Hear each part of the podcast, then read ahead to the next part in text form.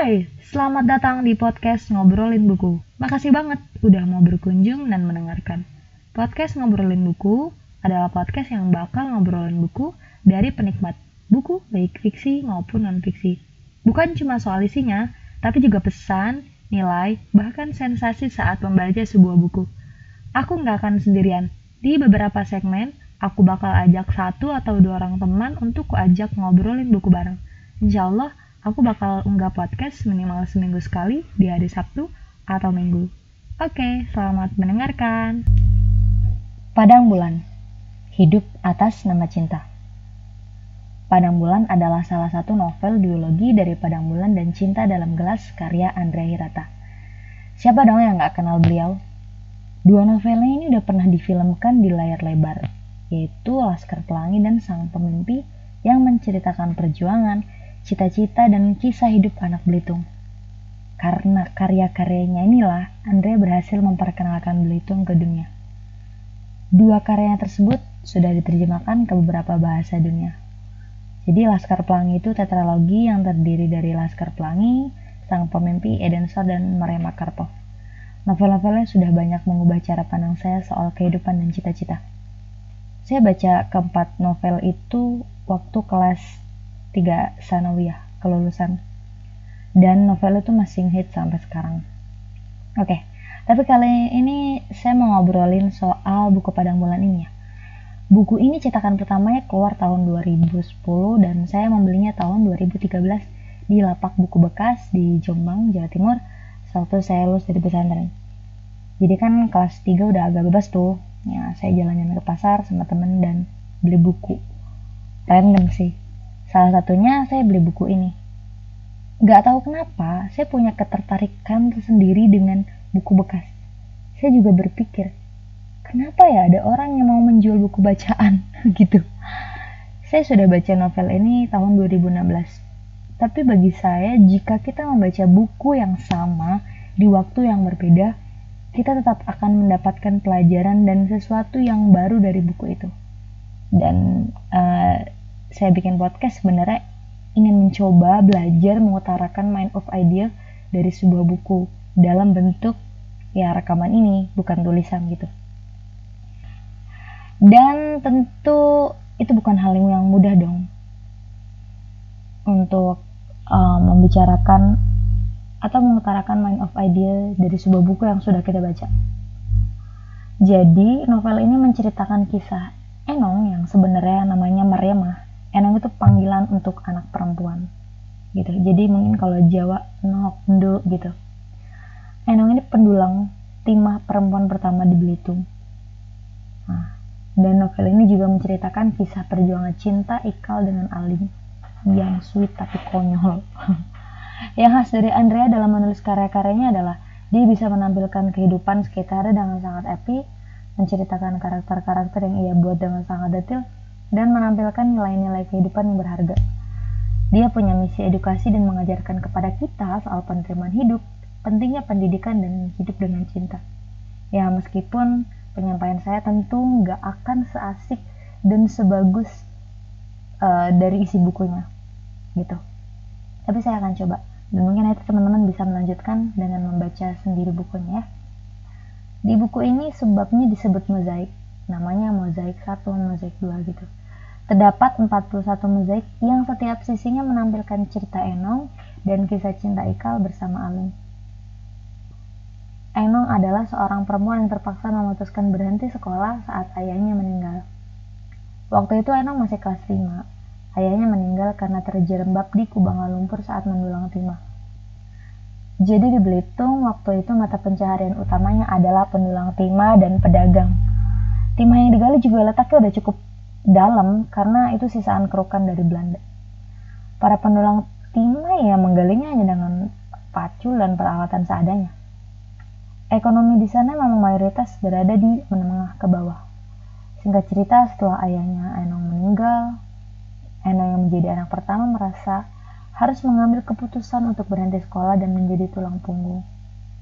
Awalnya Shalima, ibunya Enong gak setuju tapi dia juga nggak punya solusi apa pun untuk memperbaiki ekonomi keluarganya. Terpaksalah Enong pergi ke Tanjung Pandan, ibu kota Belitung, untuk bekerja. karena sudah berjuang berhari-hari mencari kerja di pasar dan gak dapet juga. Akhirnya Enong pulang ke rumah. Ketika di rumah, dia bingung harus bekerja apa. Di kota aja gak dapet pekerjaan, apalagi di desa. Dengan umur yang masih sangat belia waktu itu. Sampai akhirnya tiba-tiba dia terpikirkan untuk menjadi pendulang timah. Pekerjaan berat yang hanya bisa dilakukan oleh laki-laki. Awalnya orang-orang menertawakan Enong dan meremehkan, tapi Enong gak peduli. Dan dia jadi pendulang timah perempuan pertama. Perjalanan Enong jadi pendulang timah juga tentu banyak tantangan. Mulai diburu sama preman-preman atau pekerja lama. Pokoknya kisahnya menyedihkan. Meski Enong sudah putus sekolah, tapi Enong gak berhenti belajar. E, dia terutama punya minat yang besar sama pelajaran bahasa Inggris. Jadi tiap kali dia mendulang timah, dia selalu membawa kamus pemberian bapaknya dulu dan dibaca saat istirahat. Dia juga suka langganan majalah bekas di kantor pos untuk dibaca. Di situlah pertemuan Ikal dengan Enong sampai kemudian mereka bersahabat. Ikal yang sudah pulang merantau dari negeri anta berantah ini mulai berjuang untuk cintanya. Cinta pertamanya, Aling. Kalau teman-teman sudah baca tetralogi Laskar Pelangi pasti tahu siapa Aling. Tentu ini ditentang oleh ayahnya karena Aling beragama Konghucu. Di sini terjadi pergejolakan batin. Ikal menyayangi ayahnya, tapi ia juga mencintai Aling. Tapi keduanya adalah pilihan yang sulit. Ikal ada rencana melarikan Aling ke Jakarta. Dan Ikal menyadari bahwa ternyata cinta bisa membuat orang menjadi gila sampai dia punya pikiran yang sangat itu. Di sini Andre selalu menyisipkan humor dan bermain kata-kata. Misal nih, di setiap novel yang saya baca, dia pasti bilang, penyakit nomor sekian adalah bla bla bla gitu. Eh, seakan-akan dia punya daftar nama penyakit gitu loh. Oke, tapi akhirnya mulailah konflik di cerita ini. Ikal sudah beberapa hari tidak mendapati Aling di rumahnya. Ia tinggal bersama pamannya di Numpang Miskin, sebuah pemukiman khusus orang Tionghoa yang dulunya adalah asrama pendulang timah dari Tiongkok yang didatangkan oleh Belanda. Setelah itu mereka tidak menikah karena memang perjanjian awal sejak awal demikian sampai mereka renta dan wafat. Lalu datanglah suku Tionghoa membangun pemukiman di sini. Nah di sini muncullah tokoh kawan kecil Ikal M Nur yang dijuluki detektif detektif M Nur karena dia dipercaya bisa memecahkan banyak masalah dan teka-teki di kampungnya. Detektif M. Nur mendapat kabar kalau Aling dibonceng oleh seorang lelaki. Ya tentu panas toh Ikal ini. Dan keinginan membawa Aling ke Jakarta jadi punah. Ikal coba cari tahu siapa dan di mana tinggalnya lelaki yang berani bawa pacarnya Ikal ini.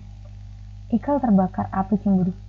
Di sini uh, metamorfosis yang digunakan oleh Andrea untuk menggambarkan kecemburuannya sangat epic gitu. Jadi sewaktu Ikal ke Tanjung Pandan mencari toko milik Zinar karena dikabarkan Zinar adalah pedagang di sana. Selama perjalanan saat menaiki sepeda, saat mengayuh sepeda, ia merasa terbakar api cemburu dan diungkap oleh Andrea. Uh, sepanjang perjalanan, kulihat jamur giba bersemi, namun tak pernah cantik seperti biasanya karena cemburu pada keladi induk semangnya sendiri. Andrainum tetangga-tetangga giba itu yang mestinya harum merebakkan dengki pada simbiosis-simbiosisnya. Trifolia cemburu pada bunga Desember, capung cemburu pada kumbang, danau ingin ditinggalkan sendiri, awan bercerai-berai, langit curiga pada angin, dan angin membenci gunung. Alam penuh angkara murka. Gimana? Keren banget. Setelah Ika ketemu Zinar, ya bayangannya kalau ngelabrak Zinar oh ya enggak Ikal nggak punya nyali senekat itu karena di situ Ikal menyadari betapa ganteng dan karismatiknya Zinar sampai membuat Ikal tidak percaya diri dan kemudian singkatnya uh, Ikal memutuskan untuk ke Jakarta karena tak kuasa menahan cemburu dan patah hati. Meski dia masih bertanya-tanya kenapa Aling tidak menjelaskan apa pun saat mau pergi. Di situ Ikal berencana pergi ke Jakarta bareng detektif Emnur. Si Emnur biar belajar servis antena parabola yang waktu itu lagi booming dan Ikal kerja di Jakarta. Akhirnya ia menyurati salah satu kawannya yang dulu kuliah bareng di Eropa. Kawannya senang mendengar kabar itu. Di sinilah pertemuan Ikal dengan Enong. Setelah pertemuan yang penuh energi positif, karena Ikal menganggap Enong punya kekuatan dan ketangguhan yang luar biasa, berlanjutlah hubungan mereka menjadi sahabat. Jadi saat Ikal sedang mengirim surat, dia nggak sengaja kan mendapati majalah yang ada iklan meninggi badan yang mau dibawa Enong. Nah, tapi diam-diam Ikal ngambil tanpa sepengetahuan Enong. Ya, di situ dia sering ketemu sama Enong di kantor pos. Nah, Ikal masih bingung nih untuk pergi ke Jakarta atau enggak. Tapi akhirnya ia memutuskan untuk berangkat juga. Sebelum berlayar ke Jakarta, Ikal sempat mengantarkan Enong daftar kursus bahasa Inggris. Walaupun Enong udah dewasa dan mungkin dipikir orang buat apa sih belajar bahasa Inggris, tapi Ikal meyakinkan orang-orang, termasuk penerima pendaftaran kursus itu. Dan Andrea bilang dalam novel ini bahwa belajar itu bukan untuk membuktikan sesuatu, tapi belajar adalah perayaan dan penghargaan pada diri sendiri. Karena dipikir Enong belajar bahasa Inggris buat apa dan dan akan bicara dengan siapa di desa pendulang timah itu kan. Setelah mengantarkan Enong ke tempat kursus, Ikal dan Emnur menuju pelabuhan di Tanjung Pandan. Ketika kapal udah mau berangkat, ternyata mereka malah ragu mau berangkat. Ikal merasa perjuangan Cina belum selesai, dan detektif Enur gak kuat tinggalin emaknya. Ya tentulah, mamanya maki-maki. Kenapa Ikal gak jadi berangkat? Lalu Ika mengabari sahabatnya di Jakarta kalau dia nggak jadi berangkat ke Jakarta. Ya tentu teman-teman temannya juga kecewa. Ika akhirnya memutuskan bekerja di warung kopi milik pamannya untuk mengisi kekosongan dan menghindari omelan mamanya yang panjang kayak kereta Jawa. dan Ikal juga bekerja di warung kopi milik pamannya demi mengintai Zinar saat bermain catur. Jadi Ikal berencana untuk mengalih, mengalahkan Zinar di pertandingan catur yang akan dilaksanakan saat 17 Agustus nanti. Catur itu jadi perlombaan yang bergengsi karena selain hadiahnya besar, ini membuat si pemenangnya jadi terpandang. Dia sampai berlatih via online sama salah satu kawannya yang dulu kuliah bareng dan sekarang jadi Grandmaster Catur Internasional. Eh ternyata saat pertandingan baru dimulai dia kalah telak karena nggak menduga sama star yang diambil oleh Zinar. Ikal gak berhenti dong di situ. Pokoknya karena sadara dia yang jadi panitia, dia bisa jadi langsung berhadapan sama Zinar. Ikal nyoba lagi di tenis meja, ya kalah. Sampai akhirnya Ikal mengakui keunggulan Zinar.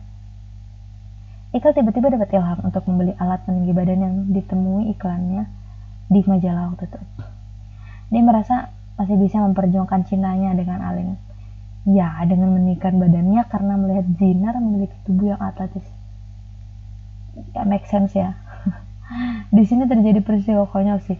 Jadi karena Ikal nggak punya tempat strategis untuk menggunakan alat itu dia memilih gedung pencuci timah.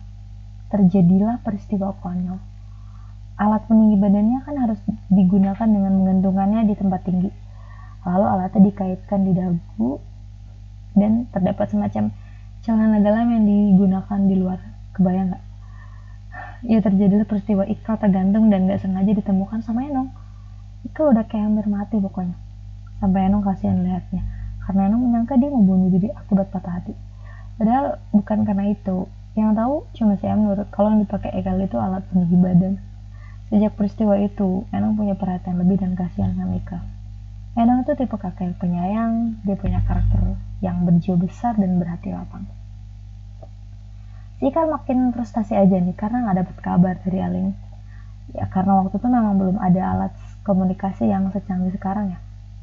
Suatu ketika Eno yang udah kursus bahasa Inggris minta tolong sama Ikal untuk dibuatkan puisi berbahasa Inggris karena ada tugas. Tapi Ikal hanya kasih dia puisi bahasa Indonesia yang langsung digubahnya dalam keadaan patah hati saat itu juga. Emang ya, biasanya orang jadi kreatif saat patah hati. Setelah dapat nilai dari gurunya, Ikal dapat titipan surat dari Bu Indri, guru bahasa Inggrisnya Eno. Windri merasa kagum dengan puisi gubahannya Ikal dan mengajak Ikal untuk ketemu dan ngobrol soal puisi. Enang seperti menyimpan harapan untuk mencomblangkan keduanya, dan Ikal merasa Bunti punya harapan besar. Sampai si Enang mengatur jadwal pertemuan Bu Indri dengan Ikal. Saat bertemu, Ikal merasa kagum dengan Bu Indri karena kecantikannya yang alami dan kecerdasannya. Daya tariknya juga terletak pada kejujurannya mengenai perasaannya. Tapi ternyata itu tidak membuat Ikal bisa berpaling dari Alim. Ikal jujur kalau dia sudah sama Alim. Meski kelak bersama atau tidak dengan Alim, Ikal tidak bisa melupakan Alim. Gila yang mencintainya. Setelah itu Ikal berusaha untuk berhenti membalas surat dan berkomunikasi dengan Bu Indri. Ika kembali berpikir untuk balik ke Jakarta setelah merasa usahanya gagal. Dia mulai berpikir realistis dan menerima kenyataan. Dia mau merantau dan demi melupakan Ali. Meskipun begitu ya Ikal nggak akan bisa melupakan Ali. Hari-hari menjelang keberangkatan ke Jakarta, Ikal makin teringat Ali, terutama saat melihat komedi putar. Iya, keduanya sering naik komedi putar waktu dulu. Di sinilah akhirnya terungkap. Tiba-tiba, sehari sebelum keberangkatan Ikal ke Jakarta, Alim datang ke rumah Ikal sambil bersungut-sungut marah marah karena nggak dikabari kalau Ikal mau ke Jakarta.